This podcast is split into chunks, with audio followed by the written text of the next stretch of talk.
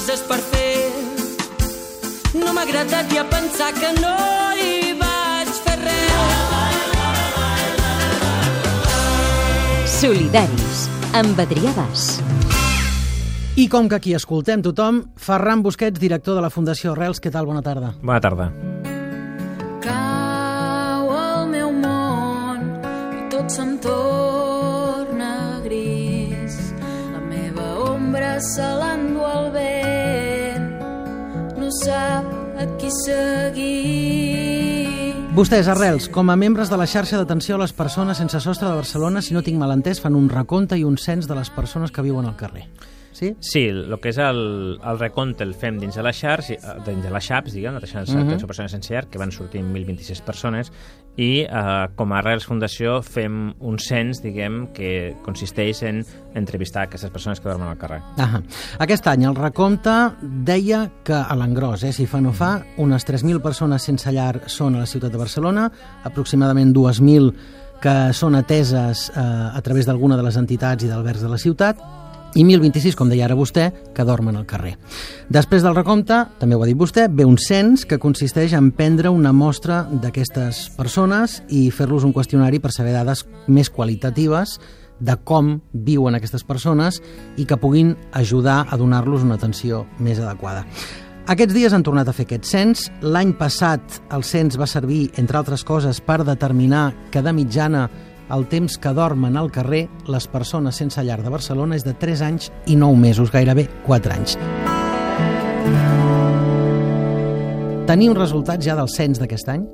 Tenim uns, res- uns resultats eh, primers, diguem. el que Perquè fa volem- molt poc que s'ha fet. perquè fa molt poc que s'ha fet Mhm. i, i, i, i a més eh, hi ha molta curiositat per aquestes dades i això creiem que s'ha de, de donar i a poc a poc anirem aprofundint perquè creiem que hi ha filons que podem aprofundir d'una manera molt interessant que anirem fent. Mhm. Jo penso que una de les dades és que aquest cop ens ha sortit que la gent en diu que està, porta uns 3 anys i 4 mesos dormint al carrer. Mhm. Aquesta xifra, per tant, com que està baixant, la significació que nosaltres estem donant ara de moment així de manera provisional és que el que està passant és que està arribant gent al carrer nova i llavors caldrà aprofundir una mica més. Una altra cosa que ens, ens està sortint és que la gent, eh, l'ús dels serveis d'urgències està creixent. I això el que creiem també és que com que és gent que acaba d'arribar al carrer, la gent que acaba d'arribar al carrer el que fa és utilitzar més els serveis d'emergències perquè dormir al carrer és una situació mm, molt dura físicament i com ja sabíem, la gent que porta més temps cada cop fa un ús més petit d'aquest- d'aquests serveis d'urgència. Uh -huh. La proporció d'homes-dones és si fa no fa la mateixa. L'any passat eren més del 80% homes, la, La- resta dones. A- Aquesta és una de les variables que, que es manté durant molts, durant molts anys, diguem, no? El 84% han sigut homes, el, el 9% són dones i la resta són persones que han dit que es consideren altres, val? Ah? Això, Clar, això, sí, sí. No, hi havia, no hi havia pensat en això, tota la raó. Sí, sí, sí, Ahà. sí, sí. I eh, també es manté la- l'edat, no? La mostra demogràfica, gent molt jove d'entre 25 i 50 anys.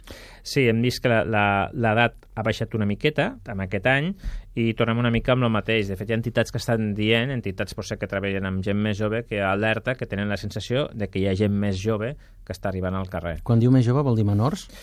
Menors creiem que no, però el problema que tenim també és com amb tot el tema d'extutelats. Tot això són dades que caldria aprofundir i que Dels menors no acompanyats, dels nens que surten de la tutela. Sí, de fet la mitja que ens surt a nosaltres ara mateix és de 44-45 anys i que la majoria estan entre 25 i 55 anys. Mhm. val? El 61% dels encastats de l'any passat, insisteixo, perquè són les xifres que jo tinc, presenten un grau de vulnerabilitat mig i un 19% aquesta vulnerabilitat és més alta. En aquest any aquesta xifra es manté bastant, estem parlant de també a prop d'un 19, i ha pujat a baixa, la, que, la xifra que ha pujat una miqueta més és la de vulnerabilitat baixa. Val? Mhm. I ha pujat una mica més, entenem que és perquè gent que acaba d'arribar al carrer. Per tant, el que hem de veure amb aquestes persones una altra vegada que és el que fer amb aquestes persones per evitar que tot això es prolongui molt més amb el temps. Mhm. Perquè la, al, al carrer, eh, una altra dada que ens ha sortit és que al, a prop del 30% de les persones han rebut algun tipus d'agressió. Aquestes agressions es pugen amb les dones i amb la gent més vulnerable arriba fins al 60%.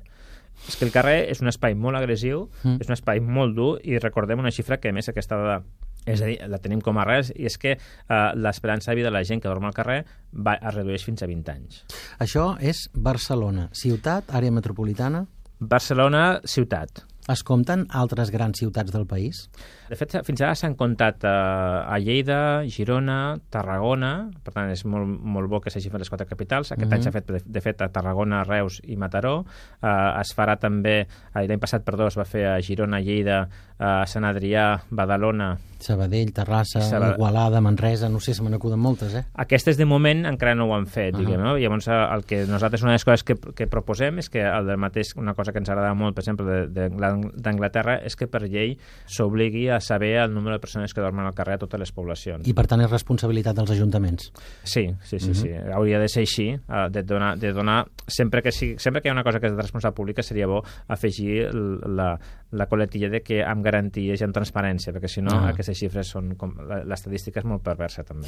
Per què és important determinar quant de temps fa que dorm al carrer una persona? Què importa si fa sis mesos o fa quatre anys que és al carrer, si al cap i a la fi el que compta és que està dormint al carrer? Aquesta dada és sobretot per veure com està anant la cosa. Clar, quan, el temps, la, quan les persones més temps porten dormint al carrer vol dir que menys atenció estem fent a aquestes persones. És a dir, el que nosaltres necessitem saber de la gent que dorm al carrer no és tant el temps que porta, encara que sí que és la dada que potser que és més visual, sinó el que volem és, és aquesta vulnerabilitat d'aquesta persona, que és dintre de molts factors, com és l'edat, la salut, la necessitat d'urgències, eh, si té algun, tico, algun tipus de to- toxicomania i el temps que porta. Ara bé, també està vist que una persona quan més temps porta al carrer, més difícil és revertir aquesta situació. Per tant, dit d'una altra manera, quan més aviat solucionem el problema d'aquesta persona, menys dificultat tindrà aquesta persona per sortir-se'n. Per tant, no es pot atendre de la mateixa manera ni donar el mateix tipus de serveis i atencions a tothom, perquè No. aquest perfil varia moltíssim. Absolutament. És a dir, quan nosaltres, per exemple, parlem del housing first, que és el de a, a donar a les persones allotjament Uh -huh. a, a, com a dret i a partir d'aquí un suport, això és per a les persones que estan en una situació més cronificada. De fet, jo vaig participar el primer dia amb, amb el cens i hi ha gent que estava al carrer, de fet, hi havia una, una de les persones, primeres persones que vam entrevistar que deia, bueno, jo tinc una feina en Barcelona Activa, estic dormint al carrer, estic, bueno, gràcies a Barcelona Activa va dir, estic dormint al carrer, estic esperant a cobrar per anar a un habitatge de relloguer. Per tant, aquesta persona no hi ha cap necessitat de que estigui, bueno, cap persona ha que necessita que estigui al carrer, Mm, mm, dir que aquesta mm. persona deixarà el carrer aviat, però ha hagut de passar un temps al carrer que això psicològicament ja és molt, és molt, és molt greu.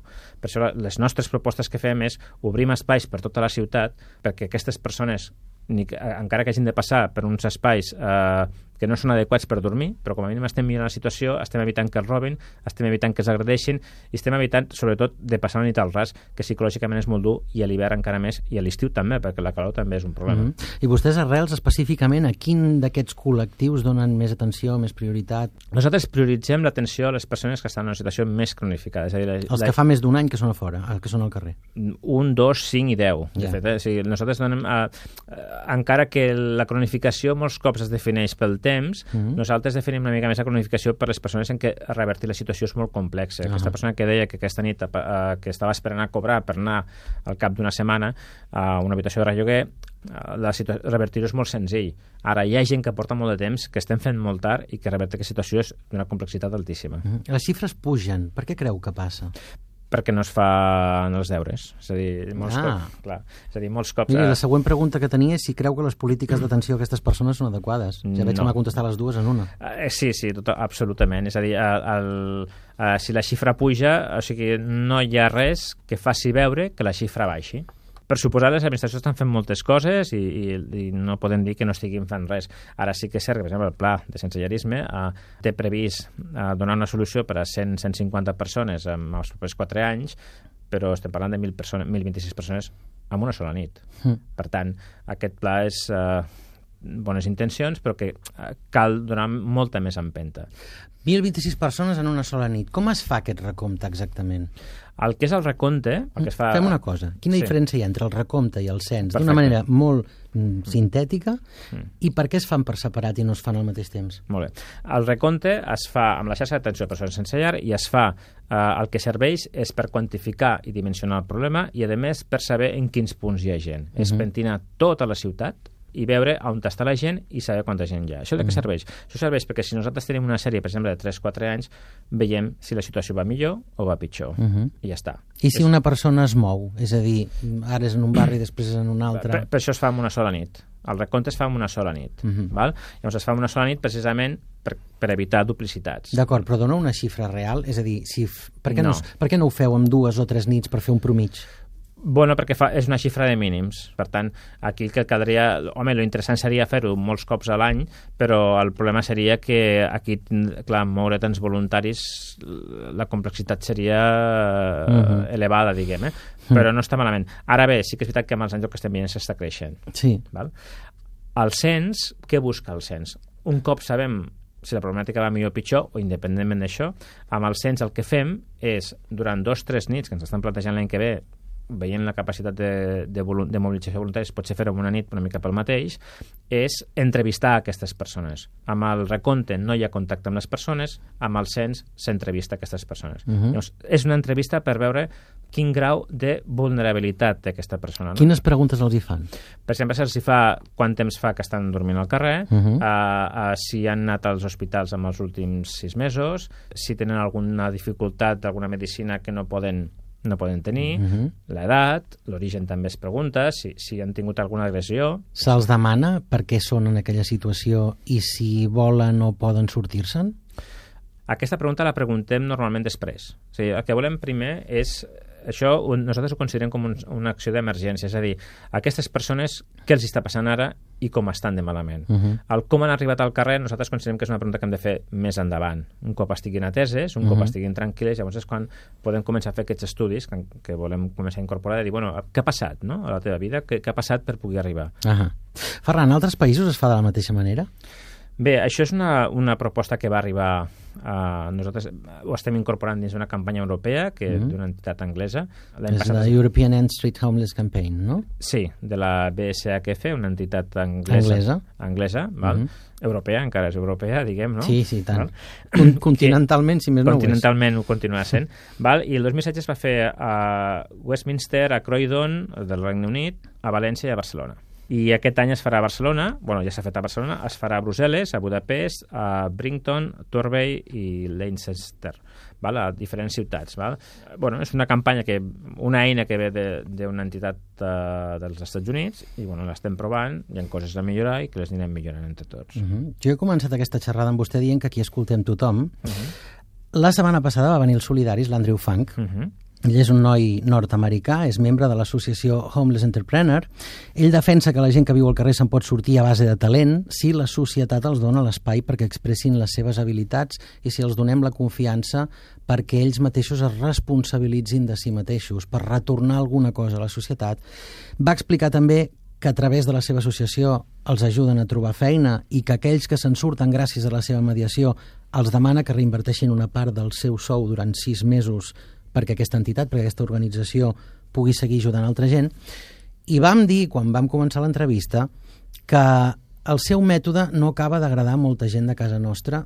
De fet, ell mateix va expressar obertament en aquest programa les seves diferències amb vostès, amb les entitats que integren la xarxa d'atenció a les persones sense llar, i vam rebre algun missatge a les xarxes socials del programa molt crític amb el fet que l'haguéssim convidat. Per això, avui també volíem demanar-li a vostè. Ferran, models com el d'aquest senyor, com el de l'Andrew Funk, o com aquell altre que també coneixem que es diu Hidden City Tours, que és una empresa de guies turístics amb persones sense sostre, que són els guies, poden formar part de l'atenció a les persones sense llar de Barcelona? És un model que podem donar per bo? Bé, jo no m'atreviria a dir mai si un model és bo o dolent fins que no s'hagi provat. Mm. Per tant, si ell considera que és una eina uh, que es pot fer-ho, jo crec que s'ha de provar i ojalà funcioni, la veritat Mm. és aquesta. Home, és evident que és un mètode que és molt peculiar perquè és molt... Jo ho deia la setmana passada, eh? ho vaig explicar en el programa, que la sensació que jo tenia personalment en escoltar-lo era que era un mètode molt anglosaxó, nord-americà, Mm. del si vols pots, però és evident, i ell també ho va dir, que això no pot, ser, no pot funcionar amb tothom, clar. Està clar, o sigui, el que està molt clar és que amb la gent més cronificada, la gent que porta molt temps al carrer, Mm. uh, fins i tot gent que està ja en un habitatge o que està en processos ja de treball bastant intens, el tema laboral és una complexitat enorme. Val? Pensem en gent que porti, per exemple, 10 anys al carrer Mm. amb un procés d'alcoholització, el sortir d'això és molt complex. Mm. Ara bé, que hi hagi gent uh, que fa poc que està al carrer, que està en una situació menys vulnerable i que puguin anar a treballar, doncs, doncs això és difícil dir que no. Ara bé, també és veritat que anar a treballar sense una llar és bastant complex. Per tant, el que nosaltres una mica creiem és que segurament, segur que aquesta persona amb un lloc per dormir i poder-se dutxar i poder anar a treballar serà molt més fàcil que no eh, Mm. treballar havent dormit al carrer. Val? Uh -huh. Per tant, jo crec que no és incompatible una cosa amb l'altra, potser és un tema d'ordre. val? Ahà. Amb el tema, de, per exemple, de, de si és acceptat o no, jo crec que una, la xarxa d'atenció de persones senceres està formada per moltíssimes entitats. També hi ha l'Ajuntament. També hi ha l'Ajuntament, exactament. Uh -huh. Per tant, aquí eh, quan parla una xarxa a vegades és, és bo distingir també una mica eh, el, el barem de cada un. La Mhm. nostra posició, bueno, ja Quan diu el nostre vol dir arrels. de Eh? Fundació hem, hem parlat amb ells, amb ell un parell de vegades, hem Mhm. parlat amb ell i, i el que diem, i a més jo personalment li vaig dir, dic, bueno, les coses s'han de provar i ja està. Una Mhm. altra cosa és que hi hagi segons quines coses que nosaltres, com a Arrels, almenys amb la gent que nosaltres atenem, sabem que començar per la feina, en el nostre cas, no és la solució. Pel que fa a les aportacions, jo penso que això, el que és Què important... vol dir les aportacions? El que, estem, el que estem dient de que eh, una part dels seus ingressos ah, col·laborar... No? Que la reinverteixin en aquesta entitat o no? Bé, això jo crec que hauria de ser una cosa opcional per a aquesta persona Mhm. o, o, o bé, o és un pacte entre dos, en el fons, no? Jo Mhm. crec que això s'ha de decidir. Això és una qüestió difícil. La pregunta és si aquests ingressos li donen, per exemple, per mantenir una llar. Mhm. Però això tampoc... eh, La veritat és que caldria saber més detalls. És que, per mi el que caldria saber és què en pensen aquestes persones. Mm. M'explico? Vull dir, nosaltres des d'arrels també la gent fa algun tipus d'aportació dels seus ingressos que nosaltres considerem molt important, però no fan aportacions a arrels, sinó fan, contribueixen a la despesa que ells mateixos, eh, que la recuperació d'aquests drets eh, aporten, diguem, no? Per tant, estan pagant sí, part paguen de, la, la seva la feina. seva pròpia despesa en Exactament. aquells, en, Una part molt en aquells petita. allotjaments que vostès els proporcionen. Clar, per tant, estan això. pagant una part molt petita de la seva despesa. Per tant, jo crec que el model és diferent. És bo dolent? Jo insisteixo, al final mm, hi ha gent que està dormint al carrer, Mm. hi ha gent que té necessitats i jo crec que descartar qualsevol opció és arriscat, perquè el que és, el que és cert és que ho estem fent molt malament entre tots socialment, perquè Mm. no estem donant la solució. Mhm. I si em permets, mm, jo crec que eh, els micròfons han d'estar oberts a qualsevol persona que tingui, vulgui parlar. Doncs això hem fet, per això vostès aquí avui també.